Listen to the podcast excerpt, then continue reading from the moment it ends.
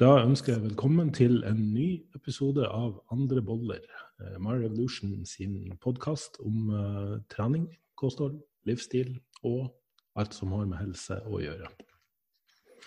I dag har vi vært så heldige å få med en god venn av meg, en uh, av mine mentorer, vil jeg påstå. Og ja, tidligere arbeidsgiver.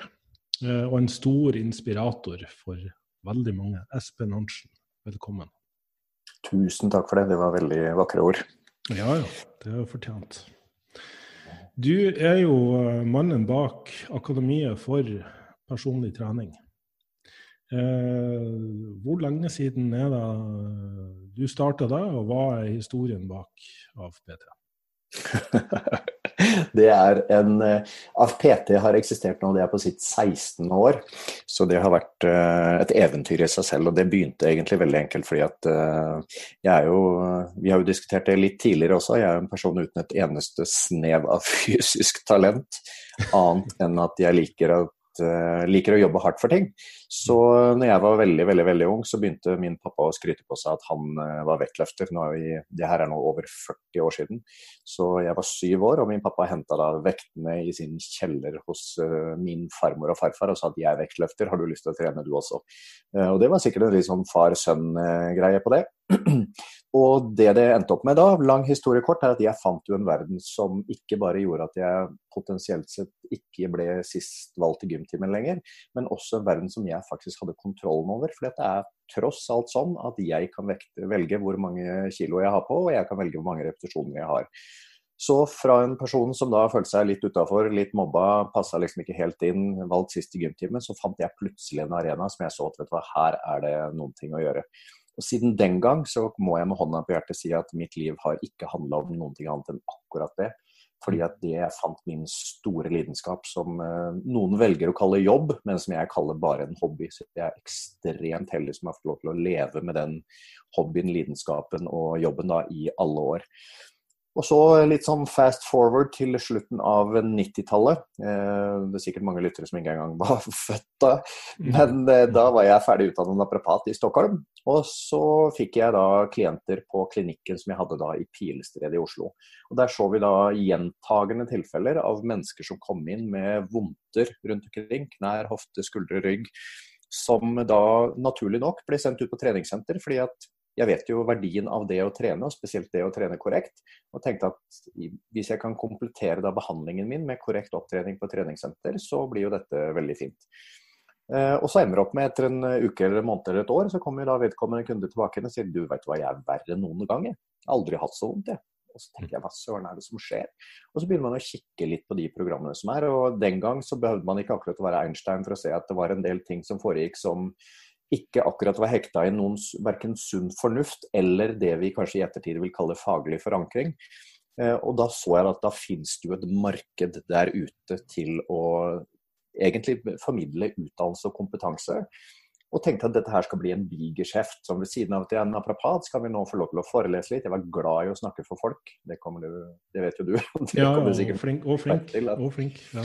Jeg liker å prate for mennesker og syns at det er en uh, viktig måte å, å, få ut informasjon på. tenker jeg Nå kan jeg slå to fluer i en smekk. Jeg kan både leve av hobbyen min, og som er uh, trening og den lidenskapen, og så har jeg da jobben min som naprapat, og de to tingene vil da gå fint hånd i hånd.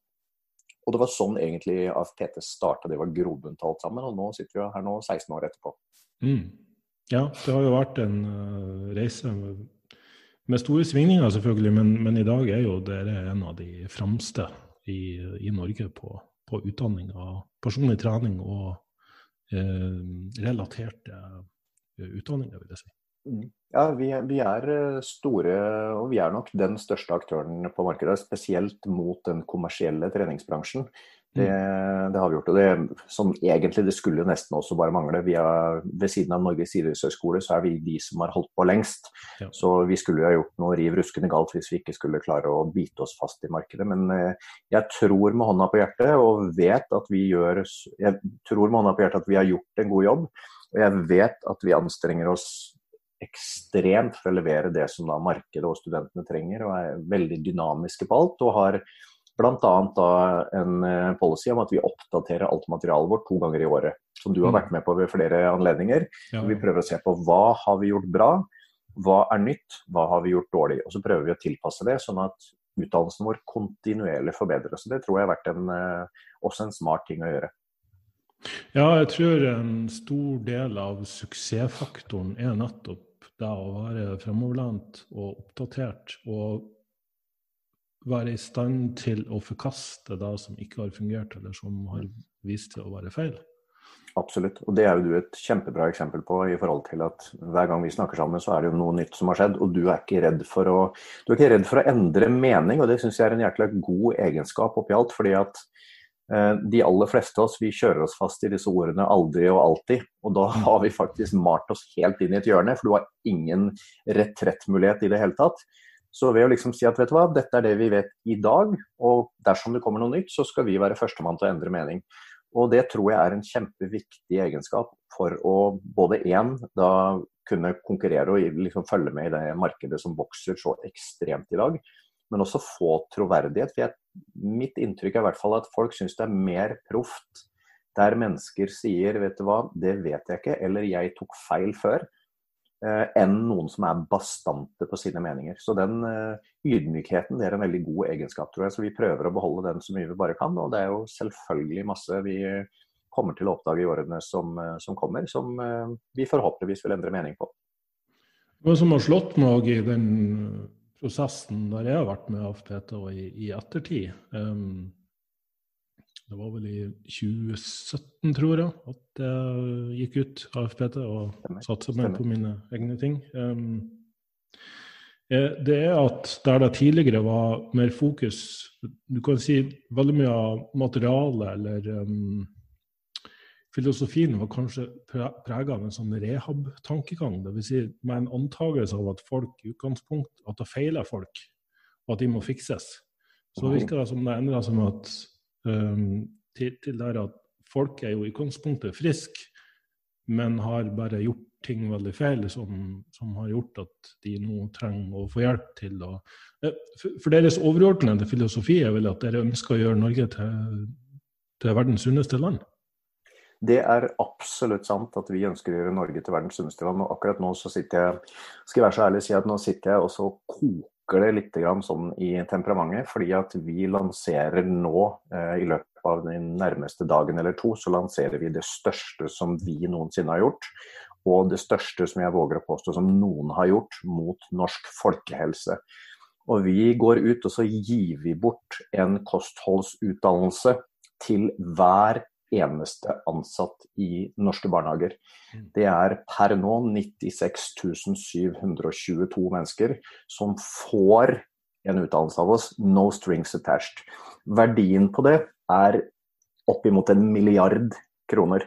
Mm. Og Det gjør vi som en privat aktør. og Det jeg akkurat har fått på morgenen nå, det er at noen sier at vet du hva, det, vi tror ikke noe på det, for det må være noe lureri. Eh, så dette her må være, det må stå med liten skrift. Og da er jeg sånn Når ble det sånn i Norge at det ikke var lov til å bidra og forsøke å gjøre noen ting uten at noen tror at du er en skurk?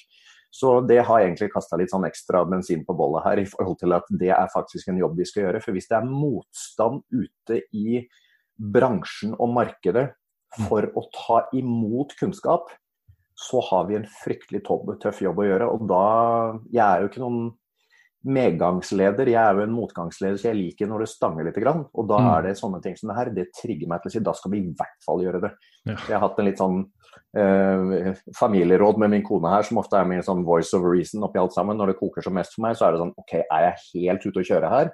Eller er dette noe jeg burde gå videre med? Og Da var til og med hun, som er relativt reflektert, hun var også sånn vet du hva, dette her, det bør du virkelig nå sette gassen på. Så, så det, og det er jo vår overordna målsetting, men du har helt rett tilbake til uh, utgangspunktet ditt her om at uh, utdannelsen var veldig rehaborientert. Og hvis jeg går tilbake til 2004, så var de som tok en PT-utdannelse da, det var hovedsakelig gutter, veltrente gutter, som var veldig glad i styrketrening. Mm. Og da hadde vi en lærerstab, og utdannelsen var bygd mye rundt det. For det var sånn som markedet så ut. Så skjedde det noen ting i 2008 hvor vi så at det ble et skifte fra prestasjonskultur til litt mer helse. Da endra vi utdannelsen vår totalt til å gå fra da hovedsakelig prestasjon og mer inn mot helse. Men så slo den pendelen litt vel langt, og vi hadde mye terapeuter inne av ymse slag. Som da satte sitt preg på hva de mente var helse. Og da er det jo alltid sånn at hvis du er snekker og det eneste du har det er en hammer, så tror du alt er spiker. Eh, og da var det jo sånn at disse terapeutene de så at vet du hva, har du vondt i kneet, så er det pga. dette, dette, dette, for det har jeg nettopp lært. Og da så vi at den svingte, pendelen svingte litt for mye i den retningen, og så er vi ydmyke og smarte nok til å si OK, men er vi nå inne på riktig spor? Og kom egentlig på at den pendelen hadde svingt litt for langt, og nå er vi mer tilbake på folkehelse i et mye bredere perspektiv. Og har eksempelvis nå, for de oppdateringene vi gjør nå som lanseres nå i januar, så har vi lagt inn en stor del med folkehelse for å egentlig argumentere for hvorfor fysisk aktivitet og ernæring er viktig i et folkehelseperspektiv. Og vi har også satt et veldig mye sterkere lys på det å være kildekritisk og se på forskningsmetodikken bak. Fordi det er så mange synsere der ute, og det her vet jo du alt om. Mm. Mennesker som bare mener og syns og sier at de har rett, og så klarer de ikke å backe det opp på noen ting. Så det å få mennesker til å egentlig se på kunnskap med litt kritiske øyne og stille spørsmål, som jeg vet at du gjør til enhver tid. ok, hva er riktig nå? Men dersom dette er feil, hva innebærer det? Dersom det er mm. riktig, hva innebærer det? Og så utfordre sine egne sannheter. Og der tror jeg vi er litt redde, så derfor har vi lagt inn det som en stor del nå. Så utdannelsen har uten tvil endra seg. Jeg tror nå vi er på det riktige sporet som kommer til å være de neste, gjetter jeg, i hvert fall de neste 10-15 årene. Mm. Uh, fordi at helse er så viktig, og dessverre så er det sånn at vi blir mer og mer overvektige, og vi blir mindre og mindre aktive. Og den eh, forskjellen mellom de sunne og de usunne blir større og større. Så jeg tror det markedet her bare kommer til å vokse på veien. Så jeg, jeg tror vi er på riktig spor, i hvert fall. Langt, langt, svar, men det er alltid sånn. Ja, men det er jo derfor jeg har det på podkasten her. Vi er kjent for å ha lange svar på korte spørsmål. Eh, men det slo meg litt da du sa tidligere at uh, du var jo fysisk underlegen eller fysisk svak, men, men, Espen, du er jo norgesmester. Og du har jo vunnet internasjonale konkurranser i, i fitness. Ja, det, har jo det. det er noe jeg ikke egentlig forsøker å promotere så mye. fordi at man kommer alltid til et punkt, og det her er litt sånn spesielt i, i Norge. Hvis du har en Eksempelvis da, hvis du trener fordi du ønsker å se bedre ut naken, så får du et stempel på at du er overfladisk, og um, det er liksom feil målsetning. Og jeg skal være så ærlig at jeg trener fordi at jeg vil at min kone skal se på meg og si Jammi, dette vil jeg ha en bit av.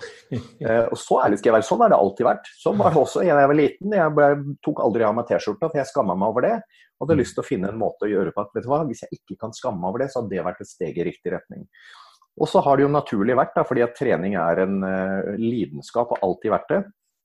Og jeg er en person som du sikkert kjenner igjen i din coaching-tankegang, som jeg må ha noen ting å gå for.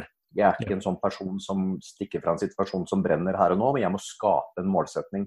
Så min måte å opprettholde motivasjon på, det har jo da vært å konkurrere. Og jeg gjorde jo det fra 2000 til 2004. og var da heldig og vant NM i 2000 og 2002. Og så skal jeg da, som alle andre mener, da skal jeg liksom, skal jeg liksom bli voksen. Ja. Og så sier man da liksom ja, nå må du slutte med dette her, for nå må du bli voksen. Og så har jeg da alltid fortsatt å trene, levd på den samme måten. Ingen store forskjeller fra hvordan det har vært tidligere. Og så tenkte jeg da i 2016, når jeg da fylte 45, da tenkte jeg at nå må jeg vel kunne gjøre noen ting. Men jeg har ikke lyst til å gjøre det her hjemme, for da blir jeg sett på som en idiot. Så da tenkte jeg at da reiser jeg til USA. Så da reiste jeg til USA i, eh, på bursdagen min faktisk, og konkurrerte der i San Diego. Og så fikk jeg litt sånn blod på tann. Eh, og så gjorde jeg det igjen året etter. Og da, det var da i 2017. Og da gikk det veldig bra. Da var jeg jo i Texas, og så vant jeg da en konkurranse som var der. Og det vet jo du alt om, for du var jo den som fulgte meg opp i forhold til det. Ja. Så det hadde, dit hadde jeg jo ikke kommet. Fantastisk bra. For den, den, hjelpen som var. Så det var en innmari morsom reise. Og så er jeg jo sånn Igjen, politisk korrekt er å si at når du kommer til en viss alder, så skal du både slutte å leke, og du skal i hvert fall ikke stå naken i en tanga, og det finnes mange ting du liksom ikke skal gjøre. Så er jeg litt sånn Jeg er blitt så voksen at jeg bryr meg ikke så veldig mye om hva folk syns lenger, så jeg gjør egentlig akkurat det jeg har lyst til. Mm. Så, så, det var konkurransebiten, da. Ja.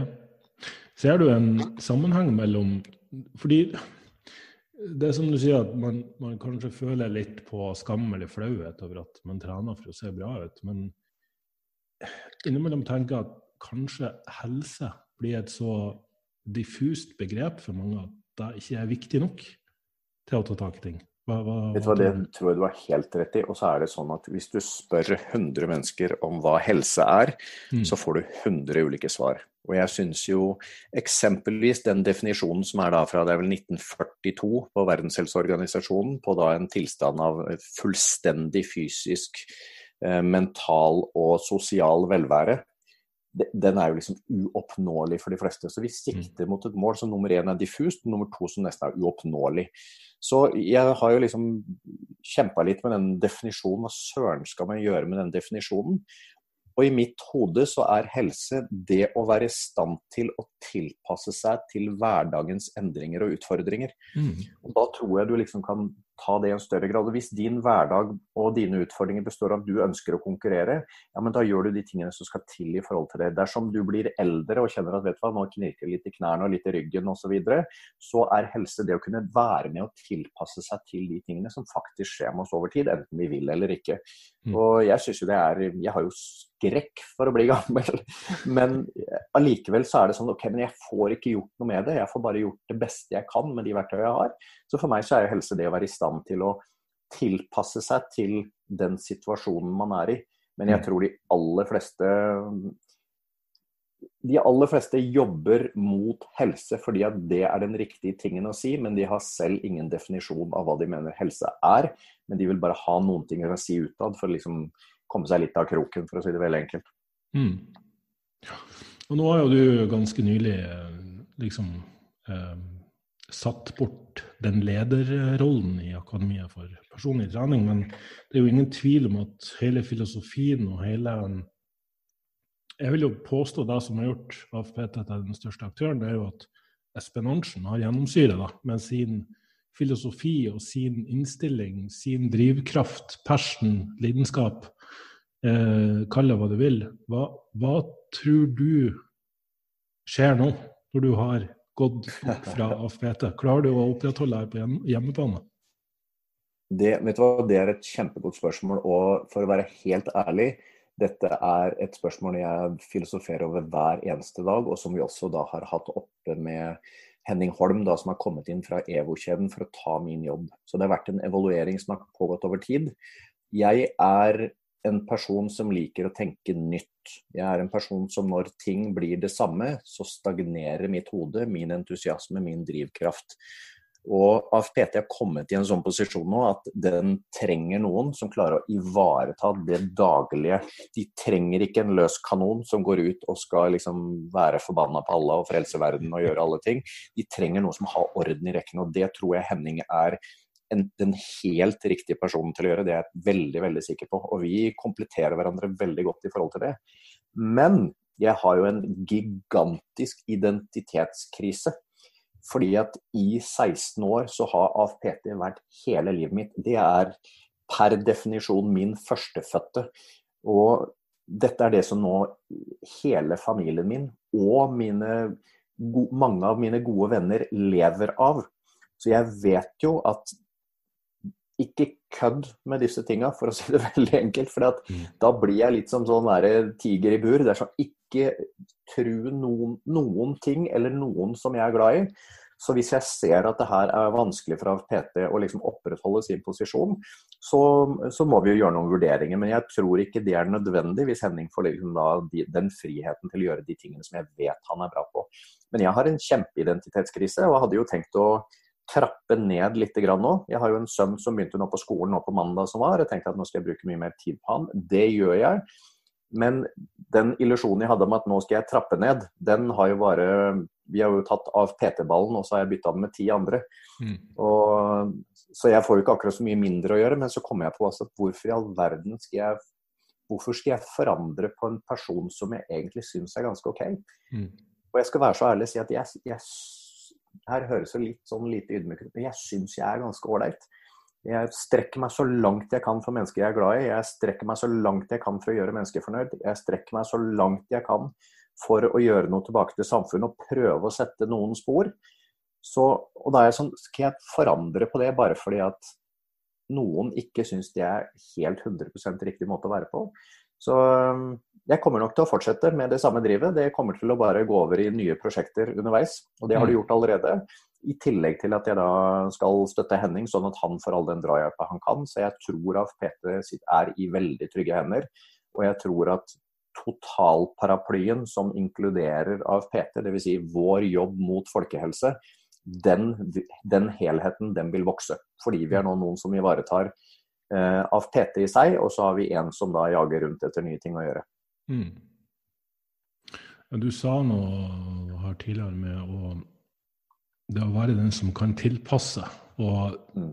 Norge og samfunnet og verden har jo i 2020 kanskje opplevd mer utfordringer som krever tilpasning enn noe annet. Bl.a. den koronaepidemien som nå også ser ut til å Ja, det er vel diskuterbart, men at den I hvert fall har vi, har vi flere smitte.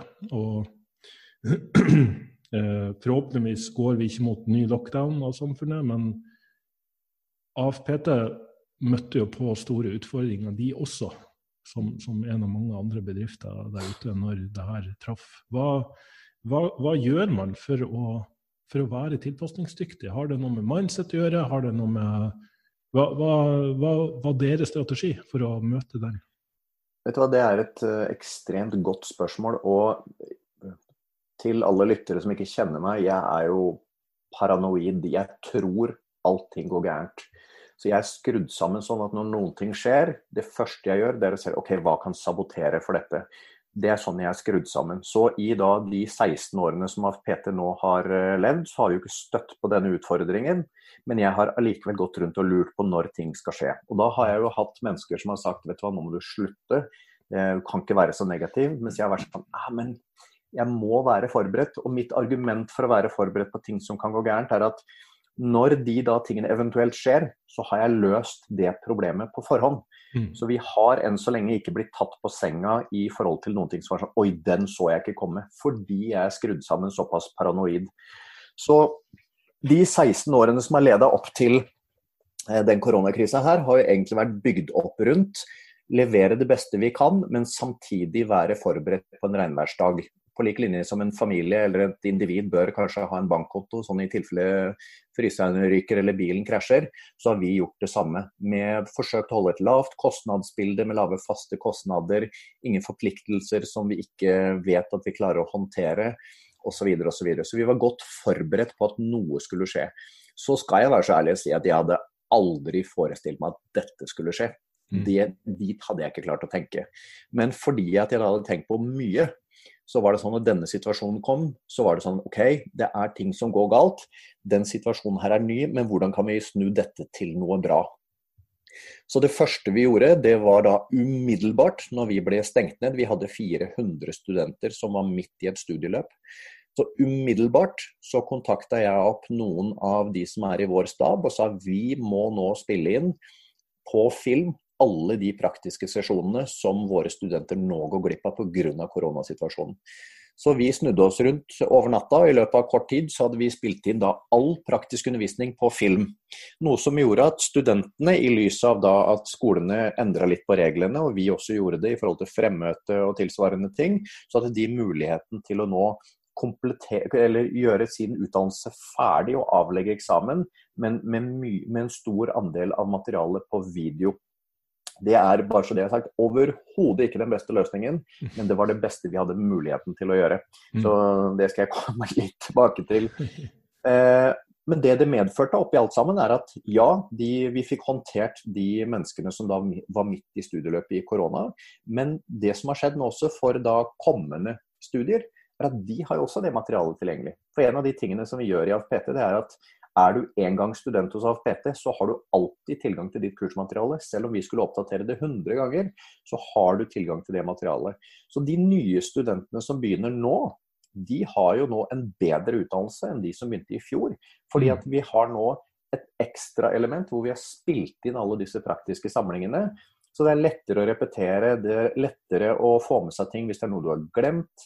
Hvis du mot formodning skulle være syk og miste noen undervisning, så har du muligheten til å hente inn det der. Så utdannelsen vår er jo bedre nå enn hva den faktisk var før korona traff. Mm. Men vi hadde jo noen diskusjoner, fordi at som alle andre så driver vi forretninger. Og vi lever jo av at vi har mer penger inn enn penger ut. Og vi har fått masse diskusjoner på veien og masse kommentarer på veien at kan dere ikke finne noen annen måte å gjøre det på? Uh, og vi har valgt å ta den ruta og valget, de valgene vi har tatt, selv om det var økonomisk veldig usmart. Fordi det kosta oss forferdelig mye mer penger å gjøre de tingene som vi gjorde, kontra om vi hadde tatt en shortcut-løsning. Men vi har i alle år prøvd å være, være, tre ting. Vi skal være en institusjon med integritet. Vi skal være en eh, institusjon med profesjonalitet. Og vi skal være en institusjon som behandler alle likt. Noe som betyr at i lys av de tre verdiene der, så var det veldig enkelt å si vet du hva, det riktige for oss det er å ikke fire på vår faglige integritet. Så nei, vi lager ikke noen tilpasninger utover dette. Det profesjonelle handler om å møte mennesker på en, eh, på en korrekt måte. Og det å behandle mennesker likt, det ble synlig fordi vi hadde jo syv byer vi hadde utdannelser i. Og i noen av byene så hadde vi muligheten til å gjøre noen sånne ikke shortcut-løsninger, men vi kunne finne noen løsninger. Men da var det sånn, hadde vi gjort det i én by, så skulle vi i lys av verdiene våre gjort det i alle, og det kan vi ikke. Så da valgte vi å si nei til alt det. Eh, så det var jo det vi gjorde mot studentene, som da har medført at eh, etterfølgende studenter har bedre utdannelse enn hva de hadde tidligere. Og så vet jo jeg også, jeg er jo av den oppfatning nå at mennesker er alt. Teknologi, apper og nettsider i all ære, men mennesker er alt. Og våre forelesere og lærere som i stor grad lever av det som eh, de eh, genererer av jobb til de, i tillegg til at de er aktive på treningssenteret, de fikk nå begge sine levebrød stengt ned. Så de mm. fikk da ikke kunne gjøre sine PT-timer, og de kunne ikke ha undervisning. Noe som da økonomisk er veldig belastende. Så vi valgte da å gå ut og si til alle våre forelesere at vet du hva, dere er viktige for oss. Det at dere er fornøyd og klarer å holde hodet over vann, det er det viktige. Så dere kan forhåndsfakturere all den jobben som det var meningen at dere skulle ha, sånn at vi er sikre på at dere klarer dere økonomisk gjennom den perioden. Mm. Uh, og Det har vært de to tingene som jeg tror har vært avgjørende for at vi kommer sterkere ut på andre siden enn hva vi var når det traff. Og I noen mm. tilfeller så er det sånn kri kriser trengs for at man skal skjerpe seg litt og gjøre, litt, uh, gjøre ting litt bedre. Mm. Ja, og et godt eksempel på nettopp da å i stedet for å henge seg helt opp i problemene, så, så rett og slett så fort som mulig innstille seg på hvilke løsninger kan vi, kan vi komme fram til der. Hvordan, mm, hvordan kan vi håndtere det her best mulig? Absolutt. absolutt. Mm. Og så sier du det her med, med, faglig forankring, og ref den samtalen vi har hatt tidligere, og samtaler vi har hatt tidligere. Eh, ute i treningsverden der ute, så det er nesten så du kan dele opp i to leirer. Du har den ene som er veldig forskningsbasert, at det kun studier, dokumenterte studier som gjelder. Og innen kosthold og trening så kan det sprike ganske mye, tilsynelatende i hvert fall. Og så har du de som er veldig erfaringsbasert. At nei, jeg har gjort det her i 20 år eller 30 år, og så jeg vet hva som fungerer. Jeg trenger ikke en studie til å fortelle meg det. Hvordan har du personlig, og kanskje også du, fått det her eh, inn i AFPT, den, den balansen der?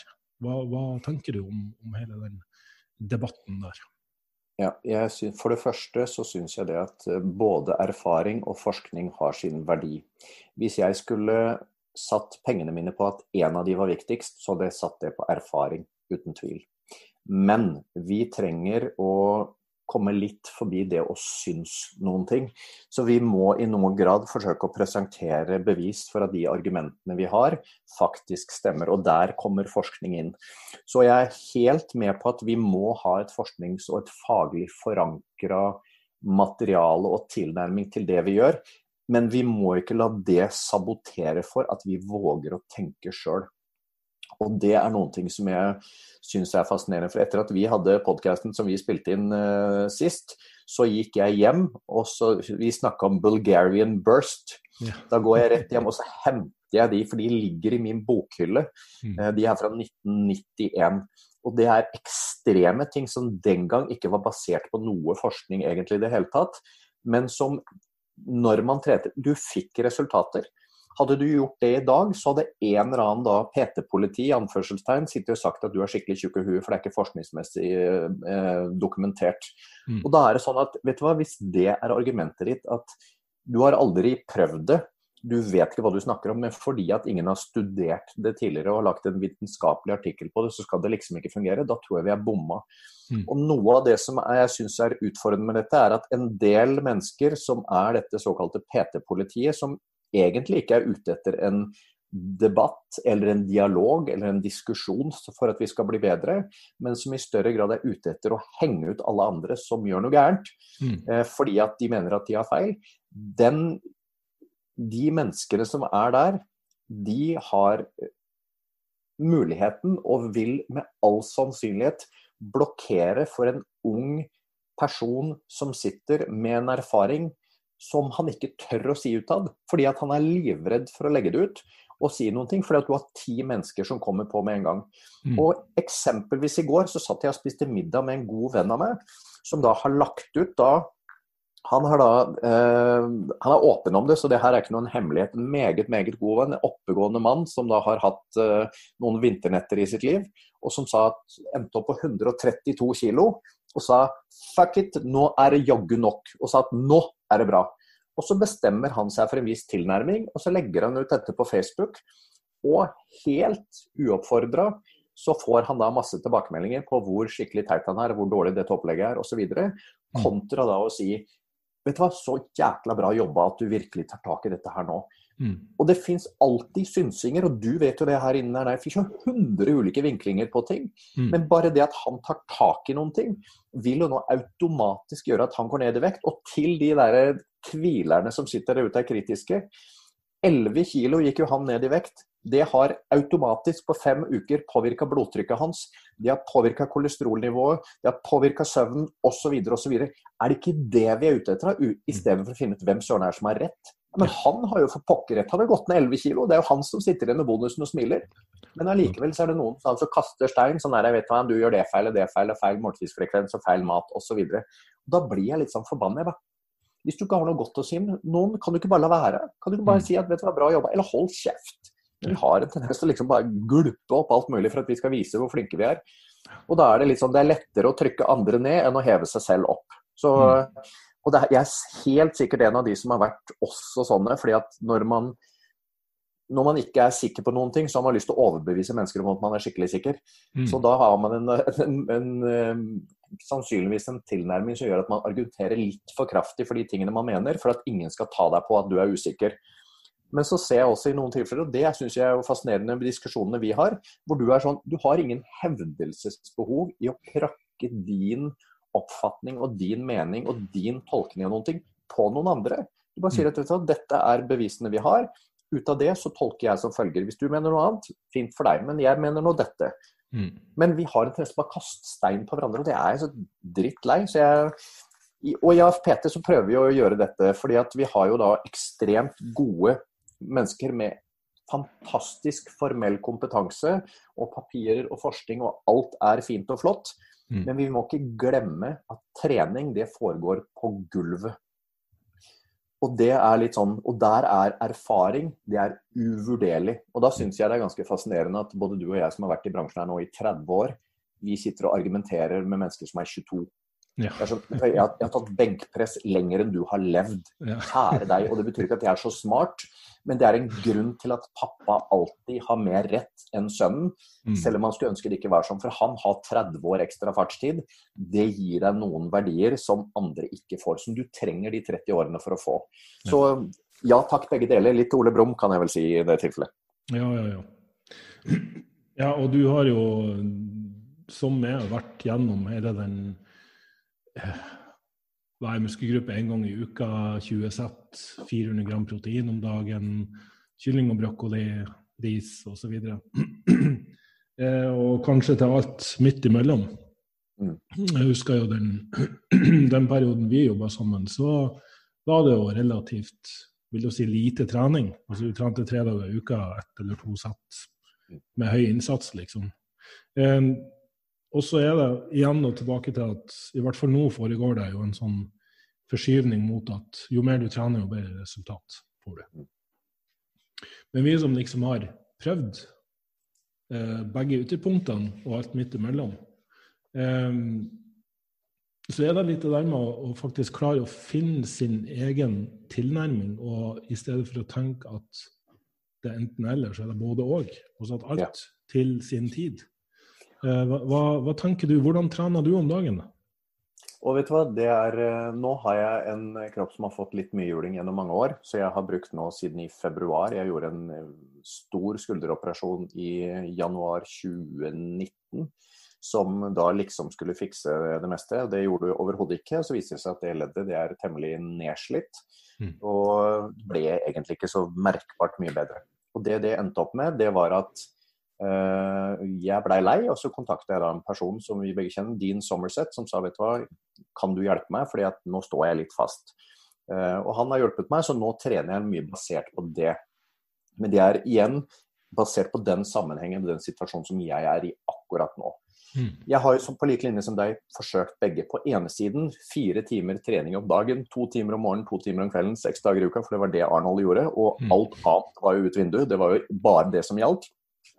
Og det ga resultater. Som bare rakkeren i mange tilfeller. Mm. Så har jeg vært på den andre ytterpunktet også, når eksempelvis vi eh, jobba sammen. Hvor jeg da var tre dager i uka, en serie eller to eller tre kanskje på det meste, på noen muskelgrupper. Og det fungerte også som bare rakkeren. Og da er det litt sånn ja, men faen, begge to Det er jo ikke sånn at én ting er rett og én ting er feil. Det er kanskje sånn at den ene tingen er 98% riktig, og den andre er 98,2. Ja. Men det er jo ikke sånn at den ene er feil, den andre er rett. For du får jo resultater på begge. Mm. Og igjen, sånn basert på situasjonen du er i, jeg er jo helt tydelig på at dersom jeg i dag skulle da gitt noen anbefalinger til mennesker om å trene, så hadde det vært fullkroppsprogrammer to til tre dager i uken. Eh, men tren dobbelt så hardt og halvparten så mye. Så kan du drikke vin for den tida, gå tur med kjæresten din, eller klappe hunden, eller se på Netflix, eller gjøre noe annet fornuftig, lese en bok, enn å bare henge på treningssenteret og si 'nå har jeg vært der i to timer i dag'. Så alt til sin tid. Det er liksom det som er hele greiene. Ja, ja og det her er vel også en filosofi som har um som du ikke bare bruker på det private plan og, på trening, men som også er en businessperspektiv. At hvis du med en, en viss innsats kan få det her resultatet, litt sånn Pareto-prinsipp, da. 20% av innsatsen gir 80% av effekten. Hvorfor skal man da femdoble innsatsen eller, eller, tidsbruken for å kun få de siste 20 Er du, er du enig i det? Det er jeg helt enig i, men med én liten sånn eh, forutsetning. Og det er at i situasjoner hvor de siste 20 faktisk er avgjørende, som mm. eksempelvis i toppidrett, der hvor tiendedeler, hundredeler kan spille en rolle, så er jeg absolutt av den oppfatning at da gjør man det man må. Eh, men for folk flest Mm. Så jeg ser ingen grunn til at man skal henge på treningssenter halvannen time om dagen fem-seks dager i uka, når du kunne hengt der en halvtime tre dager i uka og fått 80% av resultatene. For livet er så fryktelig mye mer enn det som foregår inne på treningssenter. Og så tror jeg også sånn advarende pekefinger, det er at jeg tror jo jo mer tid man tilbringer i et visst miljø, jo dårligere blir du på alle andre miljøer. Så hvis mm. din arena som du befinner deg i mesteparten av tiden er inne på et treningssenter, så blir du fryktelig flink til å diskutere knebøy og benkpress og proteiner og karbohydrater. Men når du kommer ut i en annen setting, så er du kanskje litt som en fisk på land. Og det er litt sånn Livet består av så mange ulike arenaer, så man må liksom finne ut hva er det man vil ha av de ulike arenaene. Og hvis du ønsker å være guru på trening, ja, men da har du ikke noe valg. Da må du drive mye med det. Men livet består av ganske mye annet også. Og det er klart at Der tror jeg ganske mange bommer. når at de våkner litt opp, og det tror jeg mange har gjort i den koronakrisa nå, når en del mennesker som har vært vant til å trene veldig mye nå, plutselig ikke fikk trene så mye, mm. og fant ut at fader, livet er jo noe mer enn det her. Det er jo ikke bare bicepskøl, og det er jo ikke noen krise. Så øh, jeg tror man skal bare holde ting litt sånn i perspektiv og våge å stoppe opp innimellom og tenke litt. Mm. Veldig kloke ord der, Espen. Eh, da uh, syns jeg vi har fått snakka om veldig mye denne gangen. Um, igjen så, så, er jo du Før vi møttes for første gang, så, så hørte jeg om denne Espen Arntzen. Espen Arntzen. Og de har vært på forelesninger med det, og du var vanvittig dyktig. og uh, etter å ha blitt kjent med det, så er det jo ingen tvil om at du er en, en person som kanskje ikke alltid innser eller anerkjenner hvor smart og dyktig du er, um, men kanskje på den måten uh, så bidrar det til at du fortsetter å utvikle det, og ønsker å utvikle det, og ønsker å tilpasse det. Uh, det er i hvert fall den oppfatninga jeg sitter igjen med. Så um, jeg håper at alle som hører på den her, kan ta med seg en liten bit av den visdommen du har delt med oss i dag. Det her med å faktisk være, bevare ydmykhet. Um, være tilpasningsdyktig, være løsningsorientert. Um, prøve å se etter løsninger der resten av verden går i fullstendig lockdown. Um, har, du noen avsluttende ord du vil, uh, du vil supplere med før vi ja, jeg kan komplettere det. Pene, pene ord sagt. Og uh, jeg er jo ekstremt ydmyk og takknemlig for så fine ord fra en person som jeg respekterer såpass mye som deg. Så det er på ene siden. Og på den andre siden så er jo, jeg er jo skrudd sammen, ikke bare paranoid. Nå kommer folk til å tro jeg er helt skrullete her, men ikke bare paranoid i forhold til jeg tror ting skal gå galt, men også skrudd sammen sånn at alt kan alltid gjøres bedre. Mm. Og det er til eksempelvis min kones utrolig store frustrasjon, for hun er akkurat motsatt. Hun er dødsfornøyd med tingenes tilstand og tenker ikke så mye på at ting kunne vært bedre når hun har det bra. Mm. Mens jeg er uansett hvor bra jeg har det, så ønsker jeg å liksom du kan gjøre noe enda mer. Og jeg kan være det sikkert nå etter at vi har snakka med ferdig, kan være tenker jeg jeg burde jo sagt det på en annen måte. Eller etter en forelesning. Det, er sånn, ah, det der burde jeg jo formidla på en annen måte, for jeg mista han eller hun bakerst i hjørnet. Mm. Og jeg tror det er, en, det er en god egenskap, fordi at det å alltid tro at ting kan gjøres bedre, gjør at du blir aldri bakoverlent. Og det er jo det samme som du sitter i forhold til dette puslespillet du alltid snakker om. Disse, når du først har fått på plass brikke nummer 100, så er det sånn Oi, det var plutselig 1000. Mm. Og du er nødt til å ha den innstillingen for å bli bedre. Og sånn, litt sånn treningsrelatert. Jeg tror jo ikke at mer er bedre, jeg tror jo at bedre er bedre. Mm. Og det samme tror jeg i sånne tilfeller her. Det handler ikke om hvor mye du jobber eller hvor mye du gjør, men handler er du smartere den tingen du gjør, sånn at du får et bedre resultat i den andre enden. Og så skulle jeg hatt et, uh, lagd et visittkort for meg selv, så hadde det stått uh, pappa og student. Det hadde vært de to tingene som uh, Så Det vakreste ordet jeg vet om, det er pappa, men det ordet jeg blir stoltest av å høre, det er at hvis jeg oppfattes som en student, og da mener jeg student av kunnskap, student av livet, student av andre mennesker, student av suksess, student av, av alt som fins, mm. fordi at jeg tror det alltid er så mye mer å lære. Veldig, veldig bra sagt. Jeg skal få meg et sånt visittkort, jeg også. For det, det traff meg ja. veldig, i hvert fall. hvis, vi, hvis vi, bestiller uh, begge to samtidig, får vi sikkert rabattert pris. Får vi sikkert kvantumsrabatt. For 10% Ja, forhåpentligvis. Nei, men uh, Tusen takk, Espen. Satt veldig stor pris på at du kunne, du kunne være med i dag. Du har sikkert mye å gjøre, du, du også. Så håper vi kan få det med flere ganger og, og snakke mer om filosofi. Vet du hva, jeg er med på alt. Det er en ære å få lov til å være med. Så til alle dere som, alle dere som lytter på også. og det, nå er, sitter jo Børge her og sier mange fine ord. og det, Nå skal ikke dette være noe klubb for innbyrdes beundring, det er ikke det. Men jeg tror dere heller ikke har eh, forståelsen av hvor mye kunnskap som ligger bak en del av de utsagnene og tankene og artiklene og podkastene som ligger. Og det minner meg om en uh, historie om Picasso som et avsluttende ord, det er at det var en mann som kom til Picasso og sa kan du tegne en tegning til meg? Og så sier da Picasso ja, selvfølgelig kan jeg det. Og så tegner rableren av noen ting på et ark og sier dette sånn, det blir 10 000 dollar. Så sier man 10 000 dollar, du har jo bare brukt tre sekunder på det. Ja, men jeg har brukt 50 år på å lære meg hvordan jeg skal gjøre det på tre sekunder. Mm. Og Det mennesker ikke ser, det er jobben som ligger bak. Vi ser bare en sånn snapshot av hvordan det er nå at Børge skriver dette, eller PT ser sånn ut, eller uh, oljefondet tjener så og så mye, men du ser ikke alt som ligger bak. Og I noen tilfeller så kan man løfte litt på gardinen og se ok, men hva er det egentlig som ligger bak av innsats. Også med resultater innen trening, hvor vi banner over at andre får resultater og tror de har tatt noen snarveier. Når det kan være så enkelt at dette er en person som er bare superdedikert til sin målsetning og gjør alt som du ikke gjør. Så um, vær litt sånn ydmyk i forhold til mennesker. og som har du ikke noe godt å si om noen, så la være å si noen ting i det hele tatt. Mm, kjempebra. Tusen takk, Espen, og uh, ha en fortsatt fin dag. Takk, det samme.